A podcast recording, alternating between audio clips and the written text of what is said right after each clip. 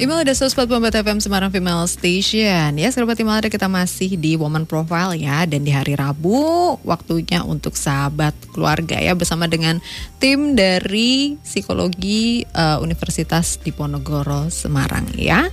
Dan hari ini saya sudah terhubung bersama dengan Bu Diana ya. Apa kabar Bu Diana? Halo. Selamat pagi. Alhamdulillah selamat pagi. Sehat ya Bu ya Alhamdulillah sehat. Alhamdulillah iya. sehat. Nah hari ini kita bahas seputar membentuk karakter pada anak ya Bu Diana. Seberapa penting sih karakter dari anak ini harus dibentuk seperti itu. Nah sebelum iya. kita bahas seputar bagaimana caranya uh, membentuk karakter anak. Sebelumnya saya mau tanya dulu nih Bu Diana. Uh, karakter anak itu sebetulnya sudah mulai bisa dibentuk dari umur berapa sih Bu gitu? Iya, jadi sebetulnya kalau kita berpedoman pada usia ya, nah karakter anak ini sudah bisa dibentuk sejak anak itu bayi. Oke. Okay. Iya, uh -uh. jadi uh, kalau kita berbicara tentang karakter itu sebetulnya suatu proses perkembangan yeah. yang harus diikuti sejak uh, dia bayi ya, dia bayi mm -hmm. begitu. Mm -hmm. Jadi karena pengalaman-pengalaman di masa bayi ini, masa nol tahun ya, nol hmm. tahun ini itu akan berdampak pada perkembangan-perkembangan selanjutnya. Begitu. Oh, oke, okay. oke okay, baik. Iya, uh, uh. Berarti dari bayi Jadi, sudah bisa ya, Bu ya? Iya, uh, uh. Hmm, okay. hanya mungkin uh, cara ya. Iya, Jadi betul, semua betul. semua ekspresi dari kita hmm ya ekspresi dari orang tua atau mm-hmm. orang-orang dewasa di sekitarnya itu nanti akan membentuk si bayi ini nanti akan jadi anak yang kayak apa sih nah mm-hmm. gitu apakah mm-hmm. nantinya dia di label anak nakal apakah dia di label anak manis sebetulnya itu kan tidak begitu saja terjadinya ya mm-hmm. jadi bukan berarti uh, kemudian dia menjadi anak nakal itu oh karena teman-temannya nih gitu kan kadang-kadang kan begitu ya betul, kita ya betul. nah padahal sebetulnya itu sudah uh, potensi itu sudah dia bawa dari dari bayi begitu hmm, oke okay. nah ini menarik bu bu Diana ya uh -uh. Uh, okay. ketika seseorang melabeli anak nakal gitu nah uh, kebanyakan menyalahkannya faktor luar dulu nih ya Bu Diana ya. Misalnya teman-temannya lah atau lingkungan sekolahnya lah atau bagaimana gitu. Nah, bagaimana bisa seseorang anak yang dibeli label nakal ternyata itu sudah dibentuk karakternya dari bayi gitu. Memangnya apa aja sih Bu uh, yang dilakukan sama orang tua ataupun pengasuh di sekitar anak ketika bayi yang bisa nanti uh, berpotensi nih untuk anak bisa jadi di labelin nakal begitu. Iya. Jadi ini sebetulnya kan bersamaan dengan tahapan atau tugas perkembangan dari anak. Mm -hmm. ya. Nah, uh, tadi saya sampaikan pada setiap tahap perkembangan itu punya tugas masing-masing. Yeah. Nah, pada masa bayi ini yang terjadi apa sih? Proses kognitifnya itu yang terjadi apa? Mm-hmm. Ya, mm-hmm. ada tokoh yang mengatakan bahwa beri saya seribu bayi, maka mm-hmm. saya akan bisa menciptakan sepuluh seribu karakter. Oh, okay. Seperti itu. Mm-hmm. Ya, jadi John Locke itu sudah terkenal ya dia mengatakan bahwa bayi itu kan ibaratnya seperti kertas putih. Yeah, yeah, yeah. Mau diapakan saja itu bisa gitu, mm-hmm, ya. Mm-hmm. Mau diapakan saja bisa. Nah, pada waktu 0 sampai 5 tahun, ya, sebetulnya perkembangannya apa yang terjadi? Mm-hmm. Proses kognitif yang terjadi di sini adalah proses asimilasi, ya, proses uh, imitasi, maaf, imitasi. Mm-hmm. Jadi dia melihat, dia melihat bayi itu jangan di, dibilang bahwa dia tidak bisa apa-apa dengan dia mendengar dia kan fungsi-fungsi organnya kan sudah mulai ya sudah iya, mulai berfungsi betul, ya betul. jadi dia mendengar dia bisa melihat ya tentunya ini uh, melalui suatu proses ya secara organik pun hmm. secara uh, penglihatan itu dia bisa melihat uh, secara jelas itu usia berapa bulan kan hmm. ada ya seperti itu nah ini ekspresi kita misalnya ya misalnya kemudian ketika ketika dia menangis ya ketika dia menangis kemudian kita memberikan ekspresi yang positif nah ini anak ini menangkap ini sebagai sesuatu oh saya diterima begitu. Oh. Okay.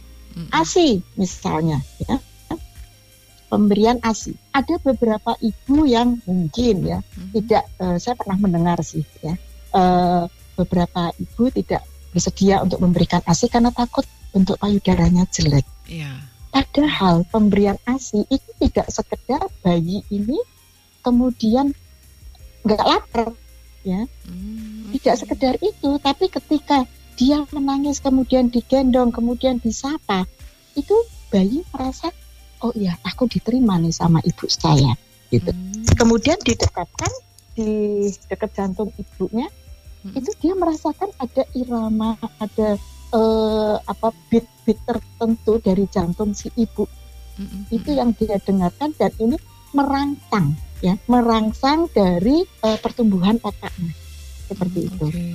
jadi ini uh, bayi asi sampai 2 tahun itu tidak semata-mata yaudah serang tahun baik ngirit ya kalau mm-hmm. asi itu kan irit sebetulnya ya nggak mm-hmm. perlu beli dot nggak perlu beli botol nggak mm-hmm. perlu beli susu nah mm-hmm. tapi sebetulnya ini proses fisik dan psikologisnya itu berkembang bagus sekali yeah. begitu mm-hmm. oh, okay, gitu okay, mbak okay. itu yang yang kemudian mengembangkan empati anak mm-hmm. ya kemudian itu juga mengembangkan komunikasi efektif itu justru dari dua tahun pertama itu ketika oh, dia mendapatkan. ASI itu. Nah, hmm. bagaimana kalau ibu-ibu yang tidak bisa memberikan ASI? Yeah. Jangan khawatir, bukan berarti kemudian saya menjudge, oh ini ibu nggak benar nih, enggak, hmm. ya.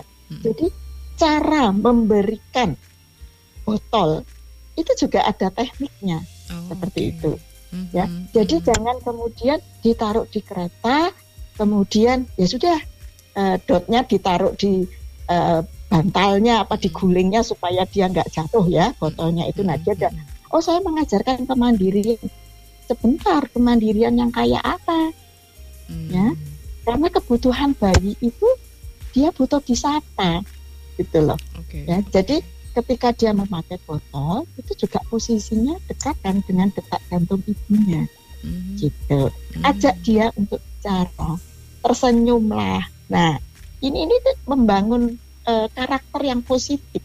Oh, iya. Oke, okay.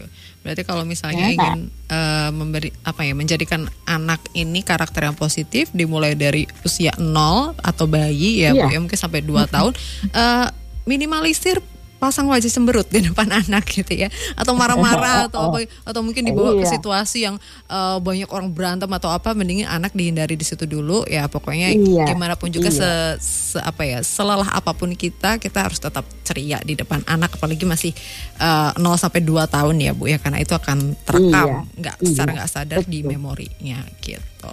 Nah, iya. uh, kemudian uh, kalau dia sudah mulai bisa sedikit berkomunikasi nih Bu mm -hmm. Diana ya gitu mungkin usia mm -hmm. 2 tahun ya sampai lima tahun gitu nah eh, apa yang bisa dilakukan sama orang tua gitu supaya karakternya anak ini tetap bagus gitu atau mungkin kemarin waktu uh, usia 0 sampai 2 tahun agak-agak uh, keskip nih ya uh, sering senyum atau gimana tapi kan tidak ada kata terlambat ya Bu ya tetap bisa di, iya, dikejar seperti itu nah apa yang bisa dilakukan sama orang tua untuk bisa membentuk karakter anak di usia 2 sampai ya let's say 5 tahun gitu Bu iya nah kalau misalnya eh, 0 sampai 2 tahun kelewat nih mm -mm. gitu ya mm -mm. wah ini saya kemarin sudah terlanjur begini begini, iya. begini. apakah mm -mm. kemudian tidak bisa dibentuk lagi mm -mm. masih bisa mm -mm. masih bisa jadi artinya apa uh, sebetulnya kan ciri-ciri anak yang berkarakter itu kan memiliki kepedulian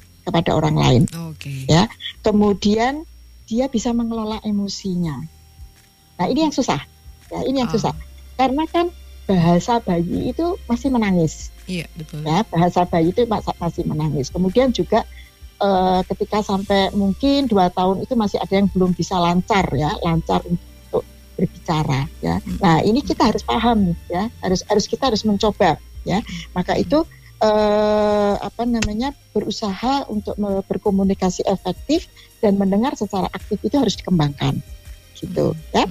Kemudian ciri yang ketiga adalah memiliki kesadaran terhadap tanggung jawab sosial. dan menerima tanpa pamrih. Nah, itu. Nah, apakah ini tidak bisa diajarkan setelah usia 2 tahun? Masih bisa. Hmm, Masih bisa. Jadi artinya perlakuan kita keseharian. Oke okay lah, kalau 0 sampai 2 tahun mungkin kita nggak uh, waktu itu ibunya baru diterima CPNS, jadi harus hmm. prajabatan, yeah. harus ini, harus itu ya. Oke, okay. Hmm. kita akan punya teman. Teman itu artinya lingkungan rumahnya itu siapa saja. Gitu. Kan ada ayah. Yeah. Hmm. Ya. Mungkin ada mbak pengasuh. Hmm. Nah, ini harus bisa menggantikan figur ibu itu. Gitu. Hmm, okay. Kalau misalnya uh, di usia 0 sampai 2 tahun itu ada terjadi sesuatu, harus ada figur pengganti. Nah, kalau dia sudah sudah terlewati jadi usia 3 sampai 5 tahun masih bisa. Artinya apa yang pertama? kita mulai melakukan interaksi.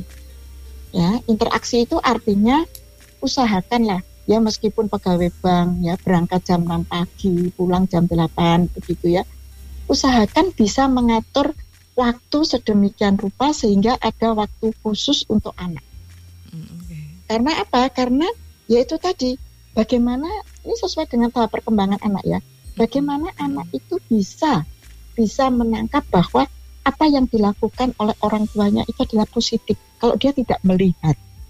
Oh, oke. Okay. Begitu. Hmm. Jadi misalnya di kantor, sekarang kan gampang ya komunikasi hmm, video hmm, call lah, ya. Hmm, okay. Atau dulu zaman saya itu belum ada HP, hmm. ya. Ya coba kalau di rumah ada telepon rumah dari hmm. kantor telepon dimarahin bu sama direkturnya misalnya mm -hmm. ya nggak tiap saat ya pada yeah. waktu istirahat gitu ya mm -hmm. atau di sela-sela waktu uh, apa longgar begitu saya hello aja Allah dek ngapain gitu hmm. kalau dia belum bisa bicara gimana mendengar suara ibu itu sudah memberikan rasa aman oh oke okay, okay, nah, nah, gitu jadi ibu-ibu yang bekerja tidak perlu khawatir hmm. ya tidak perlu khawatir yang artinya saya nggak punya waktu bu hmm. saya paham ya dengan situasi saat ini ya karena saya pun merasakan saya jadi dosen mulai tahun 88 dengan situasi sekarang tuh beda banget Betul. gitu ya. Mm-hmm. Itu di lingkungan yang yang menurut saya dulu kenapa saya memilih jadi dosen karena mungkin saya punya banyak waktu untuk anak-anak misalnya. Mm-hmm. Ya, tapi ternyata sekarang tidak. Mm-hmm. Sama ya mau jadi dosen, mau jadi pegawai kantoran, mau jadi pegawai bank itu kita harus berpacu dengan waktu. Mm-hmm. Nah, kemudian uh, selain kita menyempatkan untuk berinteraksi ya dengan anak ya. Nah, sekarang kan kecenderungannya eh, apa namanya? Bukan kecenderungannya. Sekarang kalau saya melihat itu fasilitas itu banyak. Iya, banyak buku-buku yang disiapkan untuk anak-anak. Mm -mm. Banyak permainan-permainan edukatif. Ya. Nah, itu bisa menjadi jembatan. Jembatan lo ya, maksud saya bukan satu-satunya ya, tapi yeah. jembatan bagaimana membina komunikasi ini supaya efektif. Mm begitu dengan anak itu hmm. seperti itu mungkin ibu-ibu merasa sudah lelah gitu ya hmm. aduh kalau saya harus harus apa membangun raport ya yeah. jadi membangun raport itu ya bagaimana suasana itu anak bisa menjadi dekat dengan kita gitu. hmm. permainan itulah yang menjadi media okay. anaknya udah tidur bu nah ini permasalahan hmm. apakah kita harus mengubah mengubah jadwal tidur anak ya tentunya itu egois ya. Iya betul. Itu egois. Artinya kita hanya mementingkan diri kita sendiri sementara kita mengabaikan kebutuhan anak. Itu nggak boleh. Ya tentunya kita harus tetap mensinkronkan dengan jadwal anak. Ya sebetulnya anak itu gampang kok. Ya ibunya misalnya membiasakan tidur jam 8 pagi. Ya. Nah dia akan akan kalau itu dilakukan terus menerus dia kan akan akan terbentuk seperti itu ya. Yang penting berapa jam dia dia membutuhkan tidur itu dalam setiap harinya. Hmm. Itu kan juga tiap jamnya yang tahu dokter anak ya. Iya, tiap jamnya itu kan eh, tiap periodenya itu kan berbeda-beda. Begitu. Hmm. Ada yang butuh dua, masih 12 jam, ada yang sudah 8 jam, nanti pagi berapa jam, sore berapa, siang berapa jam, sore berapa jam, seperti itu. Hmm. Ya memang kalau punya anak kecil itu kita harus rela untuk uh, ikhlas untuk melepaskan apa ya kesenangan-kesenangan kita Betul. gitu mm-hmm. para ibu-ibu muda ini misalnya uh, hangout sama teman-teman. Bu saya kalau nggak gitu stres. Se, kamu pengen anakmu bermasalah atau tidak? kan mm-hmm. seperti itu. Mm-hmm. Mm-hmm. Anak itu amanah, ya. Anak Betul. itu harus kita jaga, kan seperti itu. Mm-hmm. Saya bekerja untuk anak, oke. Okay. Kamu kaya, kamu punya banyak uang, kamu bisa membelikan mainan macam-macam. Tapi itu tidak itu yang dibutuhkan oleh anak. Hmm. Yang dibutuhkan oleh anak adalah, halo, apa kabar? Ya, hey, udah bangun nih. Gitu. Gimana tidurmu? Itu yang dibutuhkan anak itu. Hmm, okay, okay. Bukan kemudian dibelikan piano yang mahal. Untuk apa? Piano hmm. mahal tapi ibunya nggak ada. Hmm, ya? Hmm, Karena itu tadi dia itu membutuhkan contoh membutuhkan figur. Nah ini yang lebih tepat itu figur. Mm-hmm. Dia membutuhkan figur ayah, dia membutuhkan figur ibu. Kalau mungkin uh, ya saya kebetulan mengikuti ya. Mbak Dinar mengikuti nggak ya? Uh, Aming, Aming ekstravaganza mm-hmm. itu ya. Mm-hmm. Nah, itu bagaimana perkembangan dia? Dia nggak ada figur ayah. Oh iya. Ya, nggak ada figur ayah sehingga membentuk dia menjadi orang yang seperti orang kebingungan, orang kehilangan arah. Dia kan laki-laki ya. Mm-hmm. Dia kehilangan arah. Saya harus kayak apa nih? Saya harus bagaimana? Itu. Mm-hmm. Nah, kebetulan dia punya kelebihan. Mungkin kalau dites IQ-nya dari sisi kognisi dia bagus. Mm-hmm. Sehingga dia bisa mengalihkan ya, mengalihkan uh, hal-hal yang kekurangan-kekurangan dia menjadi kegiatan-kegiatan yang lebih positif. Seperti okay. itu. Okay, baik, Sehingga baik. ya mungkin kalau saya saya uh, tidak pada tempatnya ya saya menceritakan bagaimana masa kecil dia mm-hmm. gitu tapi yang jelas dia itu anak yang memang kehilangan figur figur ayah ya baik, baik. kehilangan figur ayah jadi mm-hmm. nah itu bukan berarti dia karakternya jelek tidak tapi karena dia bisa bisa apa ya ada contoh ya ada contoh lain yang itu menunjukkan ini loh kamu harus bisa begini ini loh kamu harus bisa begini oh, begitu okay, okay, ya, jadi nggak apa-apa mbak artinya e, kalau 0 sampai 2 terskip, hmm. 3 sampai 5 bisa nggak bisa. Oh, ya. Baik, Dengan baik. apa metodenya misalnya? Kita ajak dia untuk bercerita. Sekarang banyak Mbak buku-buku di toko buku itu bagaimana mengembangkan em empati, hmm. bagaimana menjadi anak yang resilient, ya, yang tangguh, bagaimana me mengenalkan sopan santun, hmm. mengajarkan sopan santun, bagaimana mengajarkan anak untuk berbagi. Nah, media-media seperti itulah yang yang yang apa ya kita harus bijaksana untuk untuk apa ya memilih mm-hmm. memilih gitu. Okay. Nah, kalau memang tahap perkembangannya itu abstraksinya belum dibutuhkan atau belum berkembang maksimal, mm-hmm. ya jangan kemudian diberikan cerita-cerita yang berat-berat gitu loh. Betul.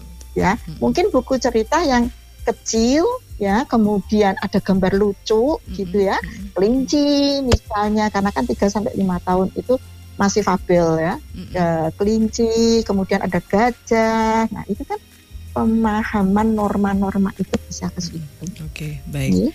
Briana, nah, itu kalau misalnya uh, uh, uh, saya coba apa ya eh, garis-garis uh, benang merahnya dari dari Bu Diana tadi cerita banyak ya. Jadi uh, uh, kuncinya untuk membentuk karakter anak adalah pertama uh, anak itu harus punya figur. Ya, figur di sini ya. adalah kehadiran ya. Jadi nggak cuma uh -uh. uh, ngasih duit ngasih duit aja, ngasih fasilitas, tapi figurnya tidak ada di situ. Dalam dalam artian uh -uh. orang tuanya, bapak ibunya nggak pernah ada di situ, selalu sibuk sendiri atau bagaimana. Itu pertama. Dan yang kedua, berarti orang tua tidak hanya hadir aja, tapi, juga harus bisa kasih contoh yang baik ya bu ya ke anak ya. Iya. Iya betul.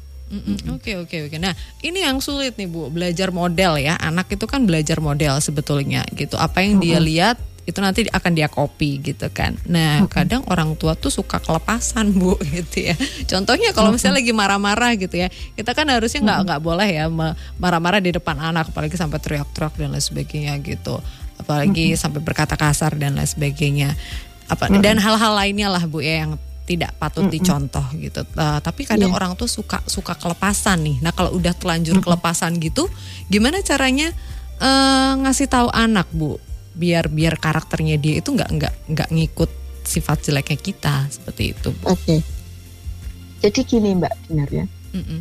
Uh, kalau tadi situasinya seperti itu sebetulnya kalau saya mm -mm. justru yang diterapi adalah orang tuanya. Oke. Okay. Mm-hmm. Yang diterapi orang tuanya. Artinya mm-hmm. apa? Orang tua itu tetap harus bisa menjadi orang tua. Mm-hmm. Oleh karena itu, kenapa sekarang? Jadi saya saya saya tidak segera menjawab mm-hmm. apakah itu uh, bisa diinikan karena sulit ya mbak. Mm-hmm. Sulit. Artinya apa?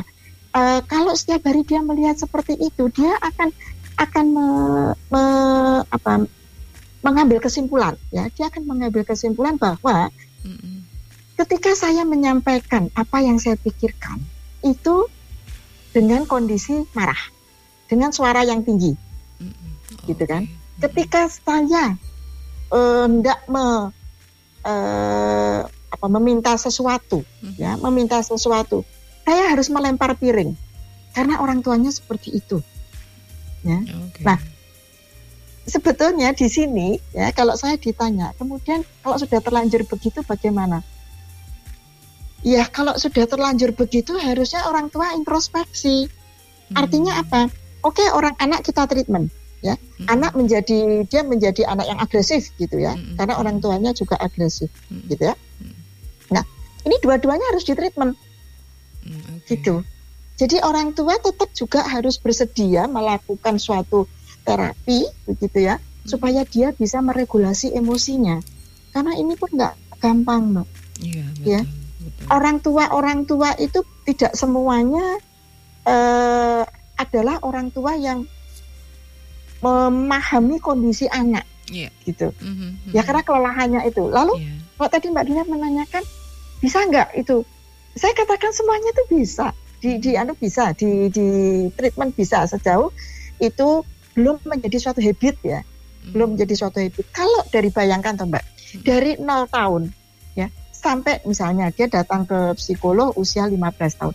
15 tahun dia melihat situasi seperti itu. Ya dia akan mem, me, anu dong, me, menangkap bahwa norma norma dia meminta sesuatu harus dengan berteriak. Hmm, Aturan-aturan di rumah itu secara tidak sengaja orang tuanya seperti itu. Ya. Hmm. Kemudian uh, kalau saya punya keinginan, ya saya harus melempar dulu entah sepatu, entah apa gitu ya, supaya orang melihat saya. Nah, hmm. egois kalau misalnya orang tua egois kalau misalnya anaknya saja yang ditreatment, anaknya saja yang kemudian dilaporkan ke psikolog misalnya ke saya gitu ya, hmm. anak saya itu nakal, anak saya gini gini gini gini. Ternyata yang harus ditreatment adalah bapak ibunya. Oh, okay. Seperti itu. Hmm. Okay. Jadi uh, tetap ya kalau kita mau mau menyimpulkan lalu bagaimana? Mm-hmm. Oke, okay, anak ini bisa ditreatment, tapi orang tua juga harus mau berubah. Nah, itu kesimpulannya seperti itu. Mm, Oke, okay, baik. Gitu. Kalau misalnya Bu Diana pelakunya mm. salah satu orang tuanya, misalnya mm-hmm. salah satu orang tua mungkin ayah lah ya. Kita kata kasih uh, contoh aja. Ayahnya agak sedikit agresif gitu bu ya kalau di rumah itu oh kalau mau minta sesuatu berteriak gitu ya. Nah, ibunya enggak nih, ibunya santai gitu. Nah, uh, kan anaknya belajar pola dari bapaknya gitu. Nah, kalau seperti ini kan bapak uh, dan juga si anak harus di, sama-sama di treatment. Bapaknya juga di treatment supaya tidak begitu lagi, anaknya juga uh, di treatment. Nah, ibunya ini harus bagaimana, Bu? Uh, menasehati anaknya gitu supaya uh, ngasih tahu ini loh ayahmu tuh nggak nggak hmm. baik. Nah, si ibu ini harus bagaimana? Kadang suka bingung juga sih. Kadang salah ngomong nanti dikira jelek-jelekin bapaknya, gitu kan? Nggak boleh juga ya bu ya. Nah ini iya, apa yang harus iya. dilakukan sama si ibunya gitu? Kalau iya. situasinya begitu. Oke, ya itu peran ibu itu selalu berada di tempat yang tidak menyenangkan iya, ya. betul. Pakai media aja mbak. Uh -huh secara sederhana pakai media. Medianya apa? Ya itu tadi dengan buku cerita. Ini ini konteksnya anak-anak kan ya? Iya, betul. Konteksnya anak-anak ya, mm -hmm. sampai anak-anak itu sampai usia SD ya, mm -hmm. sampai usia SD. Mm -hmm. Oke, okay. ya. Jadi tetap tetap kita uh, misalnya nih, misalnya pakai media buku mm -hmm. bercerita. Jadi sebetulnya, sebetulnya itu kita berikan saja contoh-contoh. Dia pasti membantah. Kenapa -hmm. ayah seperti itu? Kita harus bisa memberikan suatu alasan yang logis, yang rasional begitu. Jadi kita tetap tidak mengatakan bahwa ayahmu salah enggak, gitu ya. Akan tetapi seharusnya itu seperti ini ini ini. Kalau misalnya ayahmu tidak bisa melakukan itu karena, nah mungkin dia dalam situasi. Besok aku juga begitu, Bu. Aku juga dalam situasi nggak nyaman. Misalnya, mm-hmm. anak sekarang kan senangnya bantah ya. Apa-apa kalau kita ngomong gini dijawab, kita ngomong gini dijawab. Nah, makanya saya mengatakan ibu itu tidak mudah. Jadi kita harus bisa me mencari alasan-alasan yang logis dan rasional. Nah, yang berikutnya adalah ya si ayah harus diberitahu bahwa itu tidak benar itu bahwa itu nggak benar karena nanti akan akan atau kalau kalau misalnya ya treatment untuk untuk ayah misalnya ya iya. taruh aja buku tentang uh, apa ya saya pernah baca apa Mbak? Latensa atau apa itu ya? Hmm. yang itu mengenai bagaimana berperan sebagai ayah bagaimana berperan sebagai ibu. Hmm. taruh aja di sebelah di sebelah bantalnya gitu. Kan dia tertarik dia akan baca. Sekarang sekarang oleh karena itu sekarang sebelum menikah itu biasanya ada semacam parenting gitu ya. Hmm. Uh, kursus-kursus yang dilakukan oleh KUA kalau di gereja mungkin sudah lama ya. Yeah, di KUA itu sudah dimulai diaktifkan begitu ya. Hmm. Nah itu bagaimana berperan sebagai orang tua Hmm. Itu itu bahasanya lebih lebih ini lagi nanti lain kali kita bahas itu yeah, lebih betul. detail lagi mbak. Betul, betul, Baik. yeah. Baik. Kemudian uh, mungkin terakhir ini uh, sebagai penutup juga mungkin boleh uh, uh -huh. diberikan kesimpulan dan juga tips nih bu ya untuk para orang tua untuk uh, uh -huh. membentuk karakter anak yang baik seperti itu. Silahkan Bu Diana. Yeah, matur nuwun. Jadi uh, untuk membentuk karakter anak yang ya berkarakter lah ya, mm -hmm. anak yang berkarakter positif itu sebetulnya mudah ya, sebetulnya mudah. Tidak perlu harus dengan dengan uh, literatur-literatur yang yang apa ya istilah saya yang terlalu ilmiah nggak mm -hmm. perlu ya.